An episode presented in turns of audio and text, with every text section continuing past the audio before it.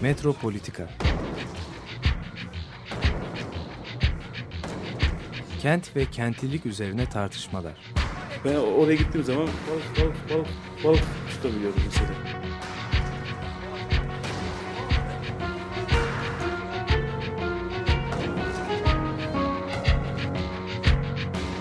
Hazırlayıp sunanlar Aysin Türkmen, Korhan Gümüş ve Murat Güvenç. Takusu yok yani. kolay kolay boşaltamadı. Yani elektrikçiler terk etmedi Perşembe Pazarı merkezinde. Merhaba sevgili Açık Radyo dinleyicileri. Ee, Bugün e, bir konuğumuzla e, mekan, merkez mekanlar, tali mekanlar, sınırlar, muğlaklıklar e, ve insan merkezli yaklaşımın farklı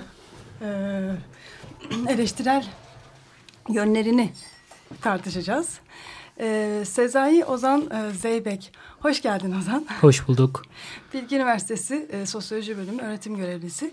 E, sen enteresan bir bakış açın var. E, sosyoloji kökenlisin ama bir yandan da coğrafya e, okumuşsun. Belki biraz tersi coğrafya okudum. Sosyolojiye burada düştüm. Çünkü Türkiye'de coğrafya bölümü yok demeyeyim de hani bizim çalıştığımız gibi yok. Ama ma- master'ında da sanırım Sosyoloji, mi? doktora coğrafya. Doktor Aynen. coğrafya. Ben oradan düşündüm ama tekrar sosyoloji bölümü. Ee, yazdığın e, yazılara biraz e, baktım dün geceyi öyle geçirdim ve e, çok e, farklı bir şey kuruyorsun. Hani mesela İstanbul'a biz bakıyoruz. İstanbul'u e, odak olarak alıyoruz. Sense bu İstanbul bakış açısının, İstanbul'un bu merkezi olarak konumlandırılmasının e, sorgulamasını yapıyorsun ve e, bu yani İstanbul'u merkez alıp diğer yerleri, çevresini tali bırakan iktidar ilişkilerini sorguluyorsun. Hem bunu yapıyorsun, bir yandan mekan üzerinden bunu yapıyorsun. Diğer yandan da hayvanlar üzerinden bütün bu iktidar mekanizmalarına bakıyorsun. İnsan merkezli değil, e, insan olmayan canlılar tarafından bakıyorsun. Yani sınırları, e, ilişkiler üzerinden tekrardan okuyorsun, bakıyorsun. Bu sınırların nasıl kurulduğuna bakıyorsun. E, istersen tam da bu açıdan baktığın ve hani İstanbul'dan değil Trakya'dan nasıl baktığınla başlayalım sohbete.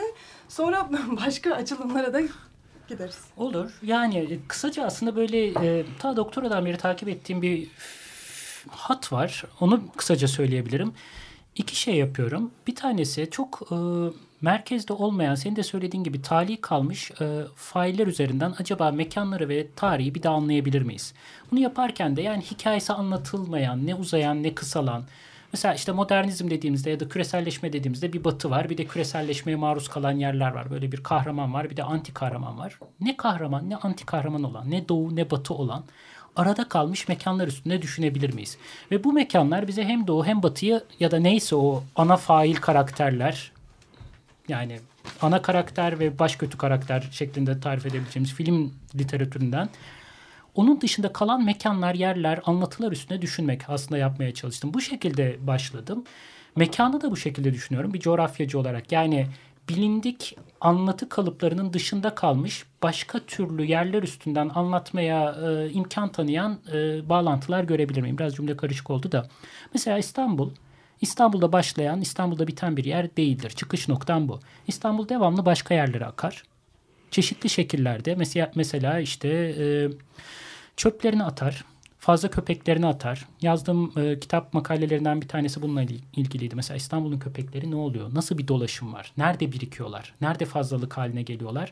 Trakya şehirlerinde nasıl seyahatleri devam ediyor? Trakya'nın bir sürü ilçesinde kırsalda, kırsal demeyelim de hani tarlaların arasında falan dolaşan bir sürü köpek. 30'lu 40'lı ve bunların bir kısmı cins köpekler. Onların hikayelerini takip ettim. Bu cins köpekler nereden geliyor o zaman? İstanbul'dan geliyor ama İstanbul'dan gelmenin ötesinde mesela pet shoplarla bağlantısı var. Daha küresel ağlara hatta bağlanan böyle cins köpek olmak işte sokağa bırakılmak. Bu hat üzerinden İstanbul başka yerlere nasıl akıyor? Ama aynı zamanda İstanbul başka yerleri de çekiyor. Yani suyunu alıyor, enerjisini alıyor, insanlarını alıyor. Bir sürü insan, insan İstanbul'a gitmeye çalışıyor. Ee, şimdi aynı zamanda köylerle ilgili çalışıyorum. Köylerdeki pek çok insanın gittiği şehir ya da nasıl söyleyeyim e, pek çok insan artık köylerde kalmak istemiyor. ilçelerde dahi kalmak istemiyor. Okuma vesilesiyle, iş- işe gitmek amacıyla şehirlere gidiyor. Yani İstanbul aynı zamanda bir devri daim yaratıyor ve çevresini şekillendiriyor. Daha fazlası, çevresini şekillendiriyordan daha fazlasını söylemek istiyorum hatta.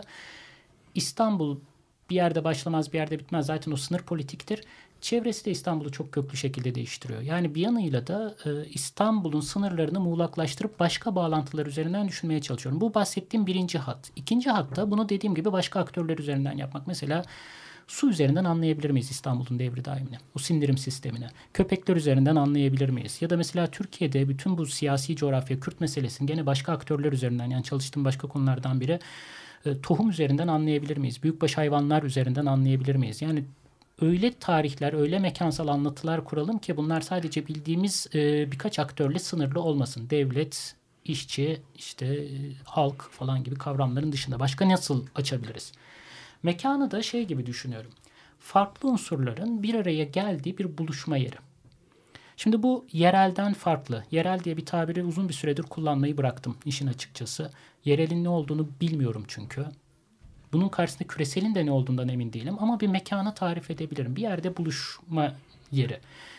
Bir sürü e, bu buluşma yerinde bir sürü farklı yerden gelen birbiriyle ilişki halinde olan bir sürü unsur var, varlık var. Bunların bir kısmı insan bir kısmı değil. İşte mesela atıyorum şehirde dediğimiz gibi su, köpek, insanlar, insanların o akışları, malzemeler, ev yapmak için gerekli malzemeler, gıda maddeleri. Bu akış sürekli devam ediyor. Ben bu akışları takip ediyorum. Burada olanlara yerel demiyorum. İstanbul bir yerel değil o anlamda. Çünkü dediğim gibi bir sürü unsur başka yerlere gidiyor, başka yerlerden geliyor. Küresel de değil. Çünkü burada buluşuyorlar. Peki bu mekanı nasıl ya da yeri diyeceğim yerelden farklı olarak yeri nasıl tarif edebiliriz? Bütün derdim bu. Bir süredir yapmaya çalıştığım bu. E, peki e, bu e, mesela bu ilişkileri köpekler üzerinden nasıl takip ediyorsun? Yani köpekleri e, gene yani doktorumu yaparken fark etmiş fark etmiştim. Trakya'da bir sürü yerde bahsettiğim gibi çok köpek var. Böyle 30'lu e, gruplar halinde dolaşıyorlar. İstanbul'un belli semtlerinde köpekler var. Bakılıyorlar. Bir kısmı işte kapatılıyor bildiğiniz gibi. Bütün bu teknolojileri, daha teknoloji derken şunu kastediyorum. Bütün bu köpeklerin hareketini takip ederken acaba ne görebiliriz? Ta Osmanlı'dan beri aslında köpekler e, varlar. Yani çok eskiden beri varlar daha doğrusu. Osmanlı'da da köpek bir sokak hayvanı. Eve alınan, bizim bildiğimiz anlamda isim takılan, işte bir aile ferdi olarak görülen bir canlı değil ama var olan bir hayvan. Sokaklarda bakılıyor, seviliyor vesaire. Sonra bu ilişkinin değiştiği bir dönem var. Bu da kabaca yani İstanbul'un kapalı mahalleler sisteminden özellikle Müslüman mahallelerinden bahsediyorum. Daha açık, dışarıya açık ticaretin olduğu, gelip geçenlerin olduğu başka bir mekansal düzene doğru evrildiği dönemde köpekler de fazlalık haline geliyor. Şu anlamda köpekler çünkü gelen geçene havlayan, bir yanıyla da bekçilik görevi yapan, o mahalleye başkasını sokmayan unsurlar. Mahalle açılınca, kapalı mahalleler açılınca köpekler bekçiden belaya dönüşüyor. Köpeklerin başka işlevleri de var bu arada. Yani işte çöpleri öğütüyorlar. Hani bir, bir, bir, bir mahallenin parçası aslında. Köpeklerin fazlalık haline gelmesiyle beraber çeşitli padişahlar, tek bir padişah değil, bu köpekleri ne yapmak lazım? Onları bir yere mi göndermek lazım? Öldürmek mi lazım? Gibi sorularla uğraşmaya başlıyorlar. Şimdi bu dönüşüm önemli bir dönüşüm. Aynı zamanda mahallelerin açılması, açılmaması vesaire. Bugün de benzer bir şey var. Köpekler belli yerlerde aslında birikebiliyor. Fazlalık haline gelebiliyor. Uzaklara atılabiliyor. İşte şey hikayesini biliyoruz. Osmanlı'nın son döneminde köpekler adaya götürülüyor. 80 bin hayvan e, birbirlerini yiyerek öldürülüyor. O bilindik meşhur bir hikaye. Köpeklerden temizlenmesi aslında sokağın aynı zamanda herkese açık hale getirilmesi projesi bu bir yanıyla. Ama bir yandan da daha denetimli hale getirilmesi yani her şeyin denetime sokulması daha sıkı bir denetime farklı şekillerde yani. bir denet farklı aslında. şekillerde denetim ederdim. Aslında denetime açılıyor fakat bir yandan da köpekler de bir bekçi. Aslında onlar da mahalleyi denetliyor. Yabancının sokulmadığı başka türlü bir denetim çıkıyor yani bu sefer ortaya. evet devlet denetiminin daha şey ağır açık hale geldiği, ticaretin açık hale geldiği bir hale geliyor. Ondan sonra hikaye şu an İstanbul'da da köpekler çeşitli yerlerde birikiyor. Çeşitli yerlerde birikemiyor. Çeşitli yerlerde toplanıyor. Hemen gözden uzak tutuluyor. Çeşitli yerlerde ise bir fazlalık haline geliyor. Bu fazlalık haline gelen yerlerin özelliği, niteliği nedir gibi bir soruyla yola çıkıyorum. Mesela Trakya şehirleri. Mesela işte kuzeye doğru giderken e, o Riva'ya doğru giderken mesela Mahmut Şevket Paşa civarındaki köpeklerin biriktiği yerler. Giderken arabayla bir sürü köpek göreceksiniz. Bütün bu köpekler nereden geliyor, nereye gidiyorlar? Nereden itibaren denetlenir hale geliyorlar? Devlet arada sırada kontrol etmeye çalışıyor. Köpekleri alıyor, kapatıyor, aşılıyor, kısırlaştırıyor. Kim yerdeyse görmezden geliyor gibi hikayeler. Bu bize İstanbul'la ilgili ne anlatır? Bu İstanbul'un neresinin köpekleri açık, neresinin kapalı, neresinin güvenli, neresinin güvensiz olduğuna dair neler anlatır gibi meselelerden yola çıkıyorum. Yani bir yanıyla başka bir demografiye bakarak, başka bir nüfus yapısına bakarak, bu nüfusun yapısının, bu nüfusun hareketlerine bakarak İstanbul'un dinamiklerini anlamaya çalışıyorum. Derdim böyle bir şey. Keza nesneleri e, takip ederken de benzer bir şey çıkıyor ortaya. Yani hani su nerede birikiyor? enerji nerede birikiyor? İstanbul başka yerlerin enerjisini nasıl kendine çekiyor? Bütün bunlar çok üstünde konuşulması gereken aynı zamanda ekolojik meseleler. Yani bütün o İstanbul meselesi yani burada hayat güzel, her şey çok ucuz. Ucuz da değil gerçi de hani kaç 14 milyon insanı besliyor en az. Böyle bir rakam var ortada. Bunun başka yerdeki sonuçlar üstüne bizim uzun uzun düşünmemiz lazım. Çünkü bütün bu su, bütün bu toprak, bütün bu enerji aynı zamanda başka yerleri de dönüştürüyor. Başka yerlerde nasıl diyelim çökmüş alanlar diyeceğim ama çeşitli anlamlarda hem insan gücü hem su hem toprak hem enerji anlamında çökmüş bazı alanlar yaratıyor. Üstüne de burada e, sindirilemeyen bir takım unsurlar dediğim gibi bu köpek olur, çöp olur, kimyasal olur. Başka yerlere tekrar atılıyor. Bütün bu devre daimi bizim çok iyi çalışmamız lazım ki ekolojiyle ilgili anlamlı bir cümle edebilelim. Çünkü sadece ekoloji dediğimiz e, işte doğayı sev, çevreyi koru, ağaçlara sarıl gibi bir hikaye değil. Yediklerimiz, içtiklerimiz ve enerjiyi nasıl kullandığımızla ilgili çok ciddi sorular var. Yani mekanları bu şekilde farklı aktörlerden çalışmamın arka planında böyle bir taraf var. Şimdi e, İstanbul'un e, 1900 aslında 80'den itibaren ama 2000'lerde iyice yoğunlaşmış bir kültür turizm şehri haline getirilme e, hikayesi var. Yani da, Dalan'la başlıyor bu hikaye. Ve daha sonra e, daha da fazlasıyla benimsenerek hani bu yoğunlukla artıyor. E, hani entrepreneurial girişimci şehir kuracağız. İşte kültür e, endüstrisini buraya çekeceğiz diye ve burada tabii ki en başta sanayinin şehrin dışına taşınması durumu var. Nereye taşınıyor? Sen buradan da bakıyorsun. Şehrin sanayi nereye taşınıyor? Gittiği yerde ne oluyor? Evet, Neler yani değişiyor? Onlar çok görünen hikayeler olmuyor. Çünkü İstanbul'un e, kapsamından çıktığı zaman bir anda hikaye e, önemsiz bir hikaye dönüşüyor. Yani bütün o sanayinin dışarıya taşınması işte bu İzmit olabilir, Trakya şehirleri olabilir, organize sanayi bölgeleri oluşuyor. Bütün üstelik de en kötü, en denetimsiz sanayi unsurları oraya atılıyor. Yani büyük sanayi de gidiyor ama onun dışında da işte böyle boyacı, çerçi, çöpçü yani başka türlü bir sanayinin gitti ve özellikle şehir ne kadar küçükse, ilçeler ne kadar küçükse rekabet gücü o kadar az oluyor. Rekabet gücü az olan ilçe de en nasıl diyelim kimsenin almak istemediği sanayi türlerini kendine doğru çekiyor. Şimdi orada bir görev görev bölüşümü var. Aynı zamanda bütün o İstanbul'un temizlenme, sanayi şehir, kültür başkenti olması, temiz parklar olması, insanların refah içinde, mutluluk içinde yaşaması başka bir yerde bambaşka sonuçlar doğuruyor. Yani zaten tam da o ilişkiyi anladığım zaman İstanbul'un meseleleri daha kapsamlı bir hale gelebilecek. Diğer türlü e, mesela işte nasıl Haliç temizlendi. Çevresinde parklar yapıldı. Artık insanlar pikniğe gidebiliyor deriz ve hikaye orada bitmiş gibi olur. Halbuki bitmiyor. Özellikle bazı bölgelerden bahsediyorsun. Bu organize sanayi e, bölgeleri, İstanbul'da olan organize sanayi bölgelerini ıslah etme durumu. Evet kelime de ıslah. Yani bunu söyleyince tutuyor. Yani İstanbul'u ıslah ediyorsun da peki başka yerler ne olmuş oluyor o zaman ona bir isim takıyor musun? Takılmıyor. Ona şöyle deniyor yatırım.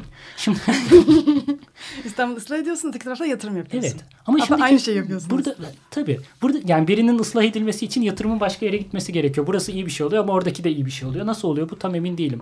Ama bir yanıyla da şu dinamiği de kaçırmamak lazım. Ee, küçük ilçeler özellikle çok uzun bir zamandır zaten e, İstanbul'a karşı mağlup durumdalar. Bu nasıl anlatılır, ifade edilir bilmiyorum. Yani oradaki insanlarla konuştuğum zaman da aa kirli sanayi gelecekten önce başka cümleler ediyorlar.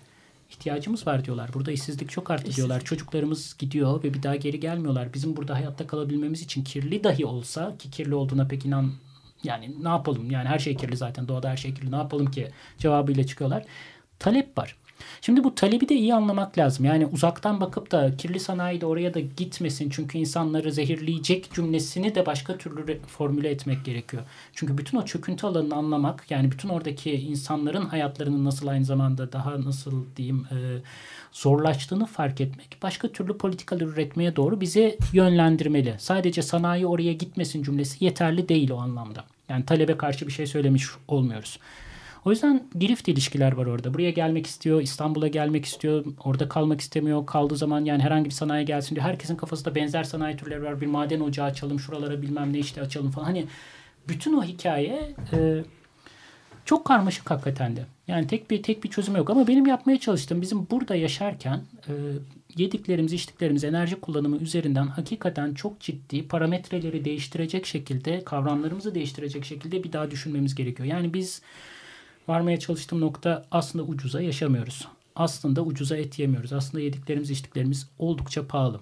Yani Türkiye'de orta sınıf biri olarak işte kiraya çok veriyoruz ama yiyecekler, gıda hala İstanbul'da görece ucuz başka ülkelerle kıyaslandığı zaman.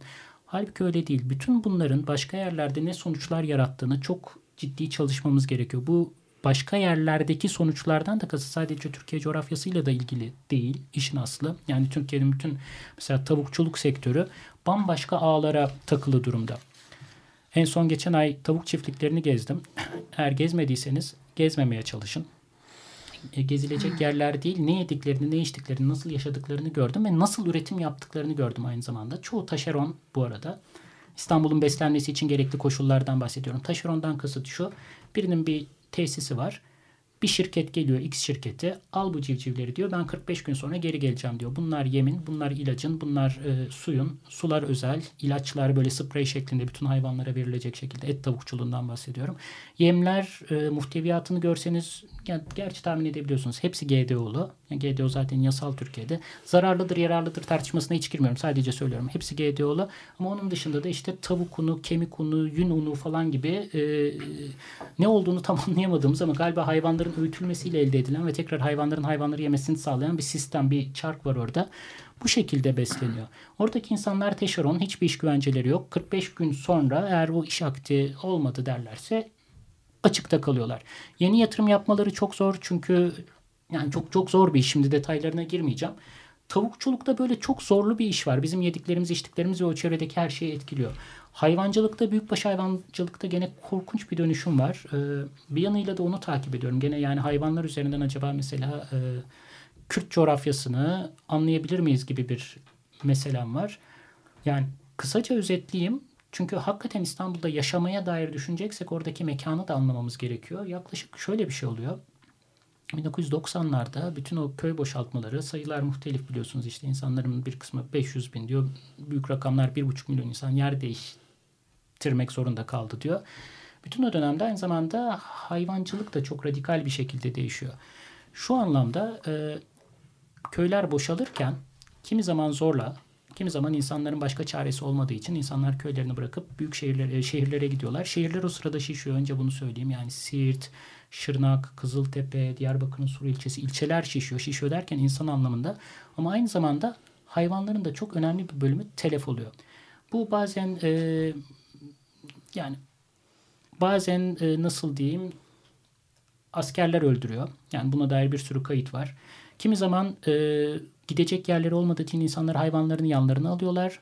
Şehirlere iniyorlar. Bir süre sonra oradaki mesela Şırnak'ta hayvana bakmak bir süre sonra mümkün hale gelmiyor. Haraç mezet elden çıkarıyorlar. 90'lardaki istatistikler Türkiye'deki küçük başta da büyük başta biraz daha az ama özellikle küçük başta radikal bir düşüş gösteriyor. Buna bölgeler bazında baktığımda Ege'deki bu düşüş çok daha az ekonomik anlamda ama mesela işte e, Van'da, Diyarbakır'da, Siirt'te çok daha keskin, çok daha keskin hayvancılıkla ilgili korkunç bir dönüşüm. Ve burada hep söylemeye çalıştığım e, insanlara değil sadece yapılan müdahale insanların yaşam alanlarına. Yani bütün bu hayvanlarla beraber aynı zamanda ağaçlar yakılıyor. İşte evlerin bir kısmı yıkılıyor. Yani çok acayip bir şey oluyor. Bir daha geri dönememeleri için bir uygulama aslında bu. Köyleri boşaltmak çünkü sadece sözle yapılan bir şey değil. Siz gitseniz iyi olur değil. Buraya bir daha dönemeyeceksiniz. Çünkü burayla bağlarınızı koparacağız. Koparıyorlar daha doğrusu. O dönemde insanlar bu şehirlerde birikiyorlar. Birikiyorlar. patlama noktasına geliyor. Pek çok şehir aslında patlama noktasına geliyor derken de bunu da ciddiye almak lazım. Çünkü geldikleri zaman mesela Diyarbakır Sur'da e, kendilerini karşılayan harika bir ortam falan yok. En kötü evlere çok yüksek kiralar vererek hayatta kalmaya çalışıyorlar. Orada bir e, emlak piyasası çıkıyor. Mafyatik ilişkiler çıkıyor. işsizlik çok fazla. Ve e, yani nasıl diyelim böyle bir dayanışma ruhu içinde hareket edilemiyor diyeyim en azını söylemek için. Zaten eğer herhangi bir şey olduğu zaman onun da örneklerini anlatırım belki konu gelirse. Devlet gelip oradaki herhangi bir örgütlenmeye engel oluyor. İşte mantar yetiştirmeye çalışan kadınlara gelip o mantarları yakıp kadınların kollarını kırıyor falan. Yani böyle bir ortamdan bahsediyoruz. O yüzden İslam ve sonrasında da e, bu hayvanların yok edilmesinden sonra hayvan sayıları Türkiye'de tekrar artıyor 2000'lerle beraber. Ama Yani ortaya çıkan ortaya çıkan hayvancılık eski model hayvancılık meralarda e, işte hayvanların arkasından gezerek yapılan bir hayvancılık modeli değil. Onun yerine müteşebbislerin yüksek meblalarla 1 milyon 2 milyon kimi zaman e, büyük tesisler kurmak suretiyle yaptıkları yeni bir hayvancılık modeli başlıyor.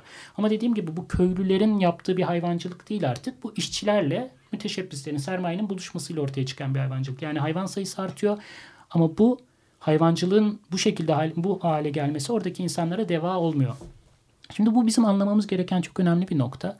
Çünkü bir şu an Türkiye'de son zamanlarda yaşadığımız sosyal patlamanın kökenlerinde bu yaşam alanlarına dair bir sorun var.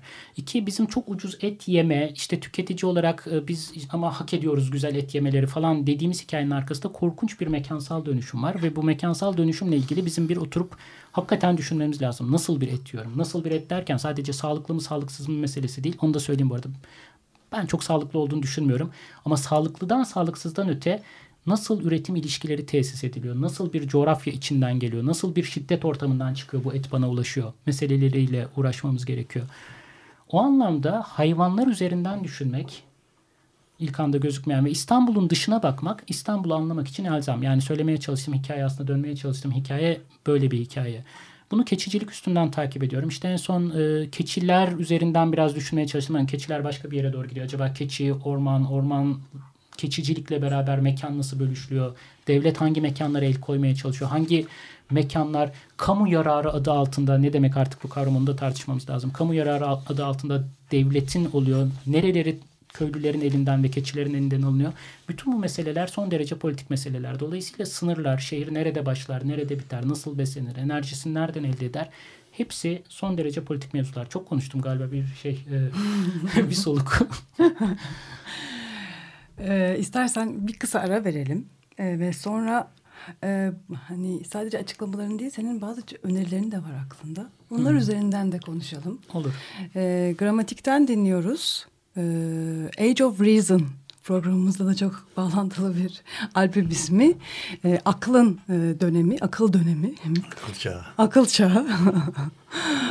Bu albümden e, Just Jamming New York City.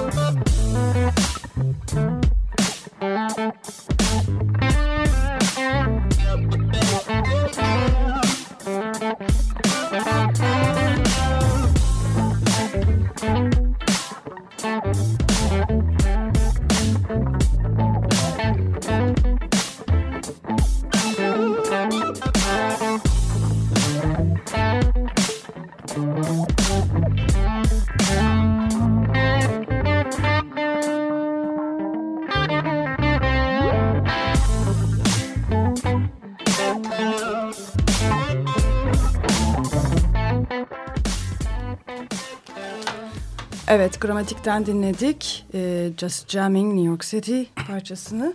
Ee, Sezai Ozan Zeybek'le olan sohbetimiz devam ediyor.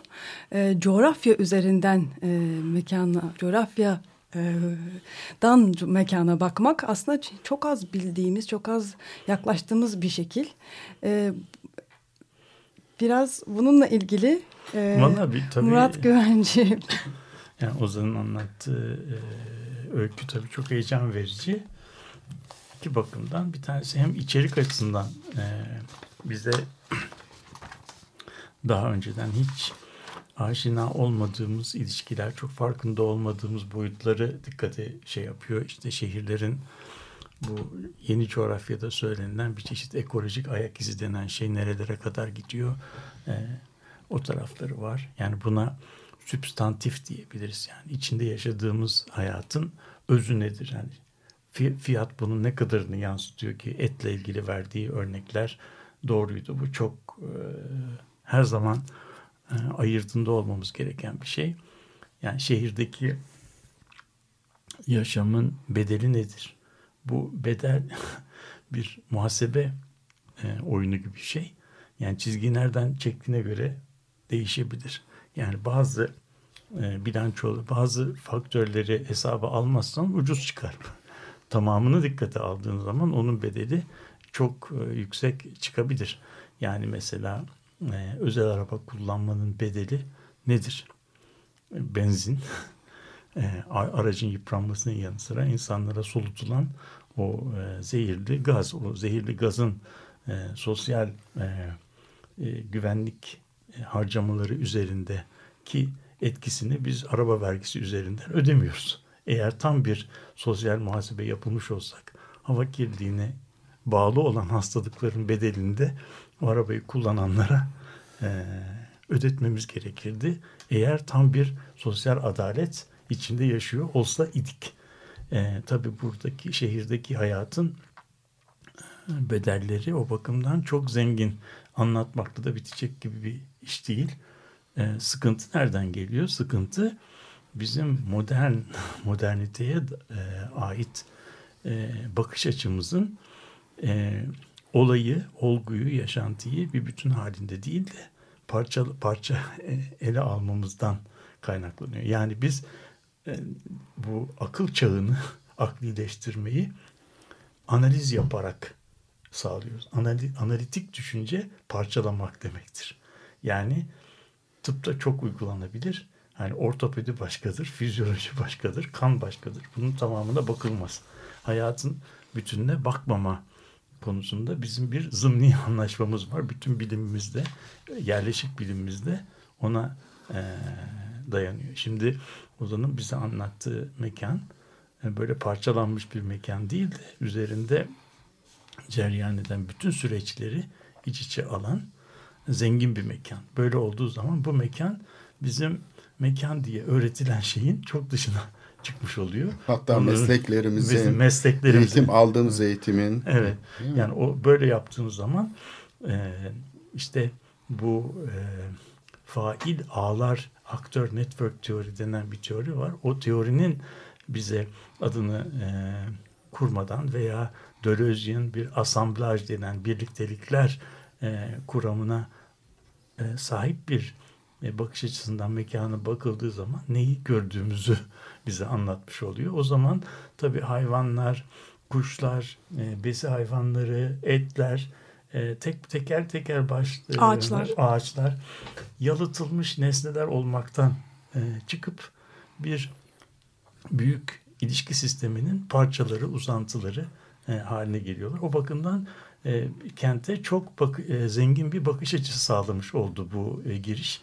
Ben e, Ozan'dan yani şehre bu bakış açısıyla yaklaştığımızda neler görebiliyoruz? Şehirde başka ne gibi zenginlikler var? O konuda biraz açmasını evet. isterdim. Yani. Ben de aslında buna ek olarak bir cümle söylemek istiyorum. Bu aynı zamanda e, şeyi de Yani e, bizim bu şehirdeki dönüşümü algılarken onu gösterdiğimiz tepkilerin ve muhalefet anlayışını da belki Tabii. gözden geçirmemizi gerektirecek kadar Zengin bir- zengin bir şey getiriyor. Evet. Evet. Bence yani şuradan alarak e, siyasete yaklaşımı da değiştiriyor. Yani siyaset bu işin bir parçası. Akademik olarak işin aslen siyaseti nasıl yapmalıyız birinci önceliğim olmamakla beraber siyaseti yapma şeklini de değiştiriyor. Bizim genelde kullandığımız kavramlar küresel ve yerel oluyor. Bu tarz meseleleri anlarken işte küresel akışlar var bir de yerel kimlikler var. Bununla da ilgili böyle birbiriyle aynı öncüllere sahip aslında e, iki ayrı tavır var. Biraz e, tipleştirme e, yaparak söyleyeceğim. Bir tanesi e, yerelin her halükarda korunması gerektiği. Burada yerel kimlikler var, gelenekler var. Burayı muhafaza etmek lazım, korumak lazım. Benim anlatacağım siyaset tarzı bundan daha başka. İkincisi ise küreselin e, zaten buraları ezmekte, yok etmekte olduğu, yerelin o kendi içine kapalı muhafazakar yapısını bozmakta olduğu. Mesela özellikle taşra ile ilgili bu çok sık söylenen bir şeydir. Yani oraları bırakalım da kendi kendine düşsün, parçalansın ki açılsın dışarıya da insanlık görsünler. Ya da işte modern medeniyetle tartışsınlar. Türkiye'de mesela edebiyat ilgili doktora ile ilgili bununla ilgili çalıştım. Yani edebiyat eserlerine baktım. Taşra anlatıları bunun üstüne kurulu. Acilen oraların açılması lazım. Mekanın böyle ben böyle bakmıyorum. Mekan eğer zenginse burada yerel demiyorum. Yer bir yerdeki unsurlar zenginse burada farklı birbiriyle de uyumsuz unsurlar varsa içinde bunlar illaki bir ahenk içinde var olmak zorunda değil. Gene yerelin aksine yani bir ahenk içinde yaşayan yerli kültürler, gelenekler, toprak, ağaç bunların hepsi bir bütünlük öyle bir şey olmak zorunda değil. Her mekanda bir sürü farklı ihtimal var ve biz her defasında mekanın açık mı, kapalı mı, küreselliğe eğer bu tabiri kullanacaksak açık mı kapalı ol, mu olması gerektiği hakkında bir daha ve bir daha düşünmeliyiz. Siyaset tam da böyle bir şey. Yani şu anlama geliyor. Mesela göçmenlik meselesinde benim baktığım yerden mekanların daha açık olmasını savunabiliriz, savunmalıyız. Yani insanların daha fazla hareket edebilmesini savunmalıyız. Ama mesela GDO ile ilgili konuşuyorsak o zaman mekanların kapanmasını savunabiliriz. Mekan yani önceden verili bir şekilde açık ya da kapalı olmak zorunda olan bir şey değil. Unsura bağlı.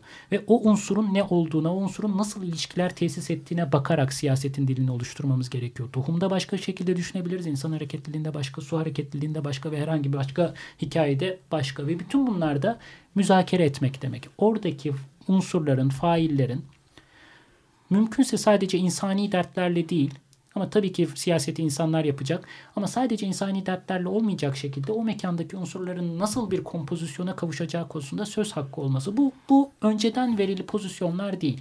Yani modernleşmeliyiz, kalkınmalıyız, burası geri kalmış, ileri gitmiş falan gibi cümlelerin dışına çıktığımız yeni bir alan açılıyor. Çünkü bütün bu küresel yerel ikili aslında bu ikilikleri üretiyor. İleri, geri, geri kalmış, az gelişmiş, çok gelişmiş vesaire.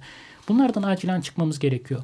Benim demeye çalıştığım bütün böyle bir zengin ilişkiler içinde mekanları anladığımız zaman ileri geri kavramları da manasını kaybediyor. Mesela şu anlamda İstanbul atıyorum ki ileri ise ve tam da başka kendi çöküntü alanını başka bir yerde yaratıyorsa yani başka bir yerin geri kalmış olmasının müsebbibi ise o zaman bu ilerilik gerilik kendi içinde bir gaye olamaz ya da bir tarif olamaz. İlişkisel olarak ortaya çıkar. Modernlik keza sadece Hindistan'a bakarak işte İngiltere modern, Hindistan anti modern geri kalmış diyemeyiz. Tam da modernliğin iki halidir. Bir yerde bu olurken İngiltere'de işte yasal sistem kurulurken, finans bankalar kurulurken, kapitalist bir ekonomi dönmeye çalışırken tam da onun çöküntü alanı Hindistan'da uzun bir sömürgecilik döneminde nasıl bir mekan ortaya çıktı? Bunlar biri modern, biri daha modern değil. İkisi de modern, modernin iki farklı yüzü. İkisi de o ilişki içinde ortaya çıkmış farklı iki mekan. Şimdi bu mekanları bu şekilde anlamak bizi bambaşka yerlere götürüyor. Yani bir kere Türkiye'de içinden çıkamadığımız bir türlü ilerleme literatürü falan ya da işte siyaset, yerel kimlikleri koruyalım falan. Bütün bunların dışında başka bir konuşma alanı açıyor.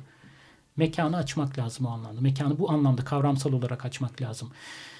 Ve benim baktığım yerden hayvancılıkla ilgili yani bu başka bir metot derken aynı zamanda siyasi anlamda da başka bir metot, çalışma anlamında da başka bir metot. Çalışma anlamında da metot olarak şunu söylüyorum. Mesela aynen sizin dediğiniz gibi bir hayvana baktığım zaman Aa, bu hayvan da işte insanlar nasıl anlamlandırıyor sorusunun dışında genelde sosyologlar, antropologlar böyle çalışıyor. Bu hayvanı bir arşiv olarak düşünebilir miyim acaba? İçindeki mesela antibiyotik takip ettiğim zaman beni nereye götürecek? Yediği otu takip ettiğim zaman beni nasıl üretim ilişkilerine götürecek? Ona bakan insanlar, yaşadığı yer, kakasının nereye gittiği, bütün bu mevzuları takip ederken aynı zamanda tek bir unsurdan mekan, başka mekanları nasıl etkiliyor hikayesini takip edebileceğim hatlar görüyorum. Yani tek bir hayvanın üzerinden atıyorum ki Polonya'daki bir ilaç şirketine ulaşıyorum. GDO Arjantin'den gelen yemlere ulaşıyorum. Devlet finans sistemine ulaşıyorum vesaire vesaire. Raporları, kalkınma ajansları bir sürü hattı takip etmek mümkün oluyor. Bu da başka türlü bir çalışma usulü. Yani ben bir yere gittim, bir köye gittim, oradaki bütün insanlarla konuştum değil. O kötü bir çalışma usulüdür demiyorum ama bu çalışma usulü çok alanlı da değil. Öyle de takip edemezdim. Yani oraya da giderim, buraya da giderim değil ki. Başka unsurları, başka medyumları takip ederek Kimi zaman e, devlet belgeleri olur, kimi zaman bir yerdeki insan olur, kimi zamansa insan olmayan bir bakterinin hikayesi olur. Bütün bu unsurları başka türlü nasıl hikayelendirebilirim? İnsan olmayan failleri öne çıkarmak derken bir yanıyla da bunu kastediyorum. Mesela Suriye ile ilgili senin enteresan bir tespitin var. Hani bu bakış açısıyla hani Suriye'de neler oldu e, dediğin zaman bambaşka bir yani bir e, açıklama daha getiriyorsun ki hani dünya yüzünde şu anda ne kadar konuşuluyor. Az konuşuluyor ama var yani tek konuşan tabii ki ben değilim ama yani kabaca şu Suriye meselesinde yani bütün, bütün bizim kalkınma projeleri, ilerleme, enerji, baraj projeleri vesaire başka yerleri de vuruyor. Sadece Türkiye ile ilgili. Yani ben daha böyle bir Türkiye, Kürt, Türk vesaire Arap meselesi değil bu zaten. Yani bütün geniş coğrafyaların nasıl dönüştüğünü ve insanların nasıl orada dönüştüğünü anlamaya çalışıyoruz ya şu mesele e, iklim değişikliği denen bir şey var. E, ve Suriye'de bir zamandır e, Suriye daha bir zamandır daha az yağış oluyor. İşte 1980'lerden itibaren baktım yaklaşık dörtte bir oranında yağış oranları azalmış. 2006'da Suriye'de yani çok kısaca anlatıyorum. E, 2006'da Suriye'de büyük bir göç yaşanıyor. iç göç. Yaklaşık 24 milyon nüfus yanlış bilmiyorsam o dönem. E, 1 milyon insan e, kırsaldan şehre geliyor. Bazı Susuzluk yerlerde hayvanla susuz yani iklim değişikliğinden temel olarak. Bu arada Türkiye'de de var bu. Onu da konuşalım bir ara. Ee, kar yağmıyor mesela Türkiye'de çok uzun bir zamandır. Neyse. Bir milyon insan. Kimi yerlerde hayvanların yüzde sekseni ölüyor. Kimi yerlerde tarım yapılamaz hale geliyor. Ve tam da 2006'dan sonraki o dönemde e, e, ayaklanmalar başlıyor. İşte direniş başlıyor. Ya da hangi ismi takacaksanız orada Suriye'nin bütün var olan sistemi iyidir kötüdür onu tartışmıyorum. Devriliyor. Bir ayağı bu yağış meselesi ve biz bu iklim değişikliğinin aynı zamanda e, parçasıyız. Ama ikincisi ve daha önemlisi bizim GAP projesi. Üstünde çok konuşmadığımız Türkiye işte Güneydoğu Anadolu Kalkınma Projesi ile ilgili biz barajlar yaptık o bölgeye ve hep lise kitaplarında böyle büyüyeceğiz, şöyle kalkınacağız, Türkiye jeopolitik ülke olacak vesaire. Projemiz. Bir yanıyla e, yani hesap yapmak bunu çok zor ama nehirlerden Suriye'ye akan, Fırat'tan Suriye'ye akan suyun miktarı azalıyor. Bir göl haline çevirdiğin zaman buharlaşma artıyor. İki debisini değiştiriyorsun bütün suyun ve orasının Suriye'nin tarımı tamamen o debiye adapte olmuş, çok uzun bir zamandır adapte olmuş bir e, tarımdan bahsediyoruz. Türkiye su konferansına gitmiştim İstanbul'da yıllar yıllar önce. E, delegeler hakikaten delirmiş durumdaydı Suriye'de. Yani sen bir sene suyu keseceğim Orada su biriktireceğim ardından ben gelecek sana senin istediğin iki katını vereceğim diyemezsin bize. Çünkü tarım öyle işleyen bir sistem değil. Yani ben bir sene kestim azalttım suyu ikinci sene daha ortalamaya çıktım falan öyle işlemiyor. Türkiye'de biz ama yasal koşullarımızı getiriyoruz. Size şu kadar bilmem metreküp ıı, şey verecektik veriyoruz demişlerdi. Tam da o dönemler suyun azalmasının sebeplerinden biri Fırat'ın suyu hesap yapmak dediğim gibi çok kolay değil ama üçte bir oranında azaldığını tahmin ediyorum. Bu Suriye'yi oldukça köklü şekilde değiştiriyor. Şimdi yani bizim buradaki enerji politikalarımız başka ülkelere başka şekillerde bizim bazen görmediğimiz şekillerde etki ediyor. O yüzden başka aktörler üzerinden düşünmek yani burada mesela bir ırmak üzerinden düşünmek hakikaten hikayeyi değiştiriyor. O zaman bir anda GAP'la ilgili bizim konuşmamız gerekenler de değişecekti eğer bunu konuşabilseydik o dönemde. Ve bütün dünyanın dengesini değiştiriyor şu anda. Yani göçmenlikle ilgili bütün dünyada ne kadar farklı bambaşka bir... Brexit'in bak- sebeplerinden biri derdim ben. Yani İngiltere tabii ki pek çok sebebi var. Yani sadece Suriye meselesi değil ama İngiltere'nin Avrupa Birliği'nden çıkmasının sebeplerinden biri de bu göçmen meselesi. Şimdi her şey hakikaten birbirleriyle ilginç şekillerde bağlanıyor. Ekoloji ekolojik düşünce derken ya da daha doğrusu bu mekan odaklı düşünce derken o yüzden böyle mekanları kapalı sınırlar içinde çalışmak değil de bu ilişkiler nereye kadar gidiyorsa o ilişkileri üzerinden çalışmak gibi. Çok da basit aslında gösterisiz yani çok da büyük bir şey de değil yani yepyeni bir metot olduğunu da söylemeyeceğim. Bunu yaparken de sadece insan hikayelerini değil insan olmayan hikayeleri de insanın ilk planda önde olmadığı hikayeleri de takip edebilmek. Ona dair bir duyarlılık.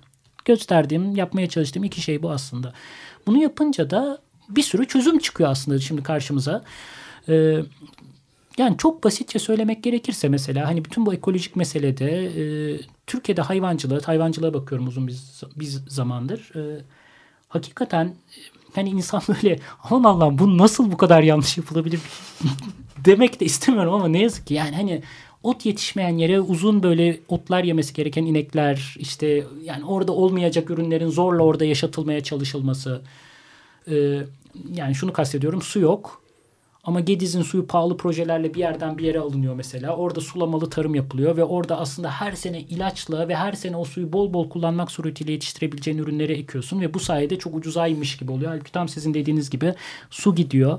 Popülist Bol ile- politikaların da burada tabii etkisi var. Çünkü yani oradaki o döngüyü de e, popülist politikalar e, aslında farklı şekilde cevaplandırıyor.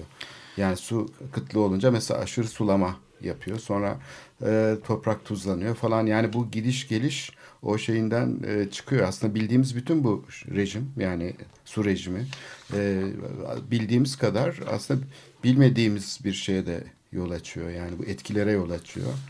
Ee, okuduğumuz şeyler de çok semptomatik yani bu, biz bunları hep böyle siyasi şeyler üzerinden okuyoruz falan. Ee, enteresan yani ne kadar yönetebilir aslında bu rejimler e, coğrafyayı, mekanı onu sorgulamak gerekiyor herhalde. Burada galiba problemin tam e, kalbine doğru gidiyoruz. O da, o da şöyle bir şey. Yani dünya evet bizim algılarımızın dışında bir dünya var ama bizim dünyayı algılama biçimimiz de dünyayı nasıl Temsil yani ettiğimiz- politiğimize e, evet. çok şey yapıyor. Hı. Buradaki e, yani bizim yerleşik doğru olduğunu, e, geçerli olduğunu e, varsaydığımız kavramlar ki bunun içinde mekanlar, sınırlar, e, nesneleri adlandırma biçimlerimiz, onların içeriğini tanımlama biçimlerimiz daha sonra o bölgeleri getirecek olan politikanın da içeriği üzerinde doğrudan etkili oluyor. Yani e, Ozan'ın bugünkü konuşması çok değerli çünkü coğrafya denildiği zaman bizim e, yani genellikle can sıkıcı bir e, lise e, şeyinin ötesine geçmez yani. Evet. Yani işte Afyon'da şeker fabrikası bilmem nerede Evet, say bilmem ne dağının Uşak'ta. yüksekliği Uş, Uşak'ta falan. Şimdi e, bu bu e, coğrafya dediğimiz şeyin ekolojiyle falan bir araya, bir araya getirildiği zaman e, keşfedilecek hani coğrafyada bir keşifler çağı vardır. Hani bütün kıtalar keşfedildiği zaman artık keşfedecek bir şey de kalmamıştır. Coğrafyanın da sadece gerisi ezberden e, üniversite sınavında kaç tane net yapacaksın ona girmiş bir şey. Ama coğrafya öyle bir şey değil yani keşifler çağı da o bakımdan hiç bitmemiş bir şey. Yani eğer bu Ozan'ın çizdiği çerçevede düşünürsek daha keşfedecek çok şeyler var. bir tanesi de e, bizim kullandığımız kavramların o kadar da güvenilir şeyler olmadığını keşfetmemiz gerekiyor gibime geliyor. Belki de burada e, önemli bir nokta da var. Hani ekoloji dediğimiz zaman hani bir kavram. E, biraz böyle hani üst sınıf bir kavramdan sanki bahsediyormuş gibi de bir hava var. Mesela bu da çok acayip bir şey yani. Sanki böyle işte ne bileyim e, organik e, almak isteyen üst sınıf anne babaların hani e, alanı gibi. Hani, ay bir küresel ısınacak ve hani hani bu bu şekilde tanımlanması, bu şekilde bir şey de var. Hani ne kadar hani aslında bu anlamda da bu tanımlarla ilgili ve kodlamalarla ilgili tekrar düşünmek gerektiğinde Evet yani ekoloji deyince sanki bu üst sınıfların duyarlılıklarıyla sınırlı bir şeymiş gibi. Halbuki hiç alakası yok. Şurada anlattığımız şey işte sur meselesi vesaire. Son bir e, noktaya değinmek istiyorum. Yani peki siyasi anlamda peki böyle bir bakma mesela nasıl mümkün. nasıl diyeyim nasıl müdahaleleri mümkün kılar? Nasıl müdahaleler etmek anlamlı hale gelir?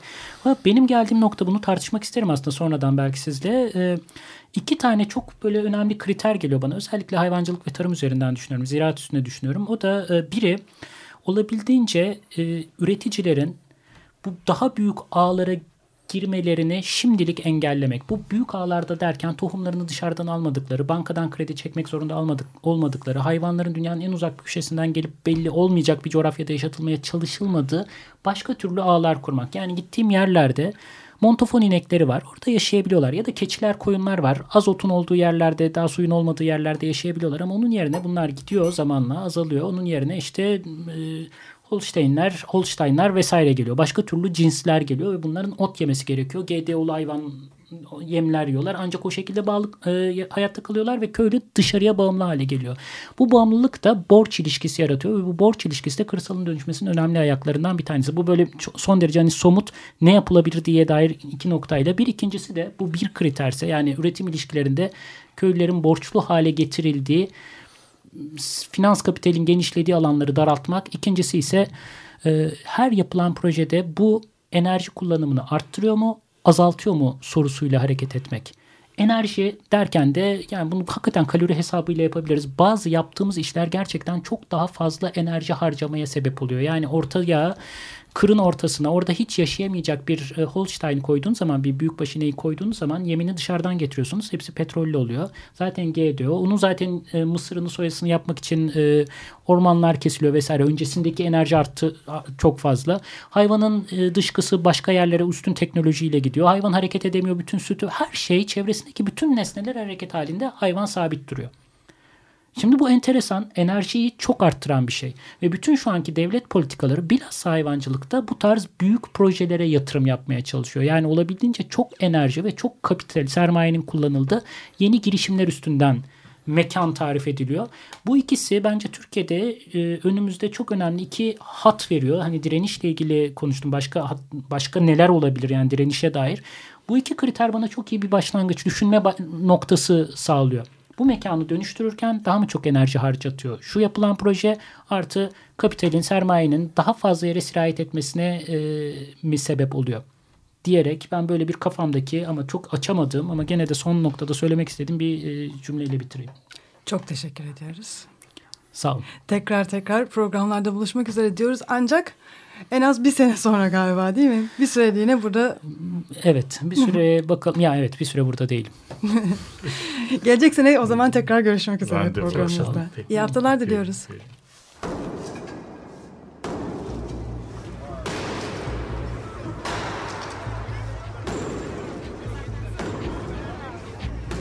Metropolitika Kent ve kentlilik üzerine tartışmalar. Ben oraya gittiğim zaman balık balık balık balık tutabiliyordum mesela.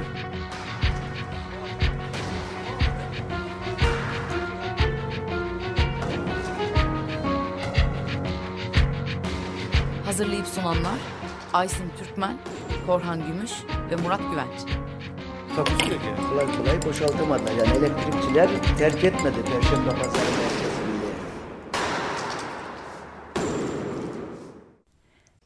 Açık Radyo program destekçisi olun. Bir veya daha fazla programa destek olmak için 212 alan koduyla 343 41 41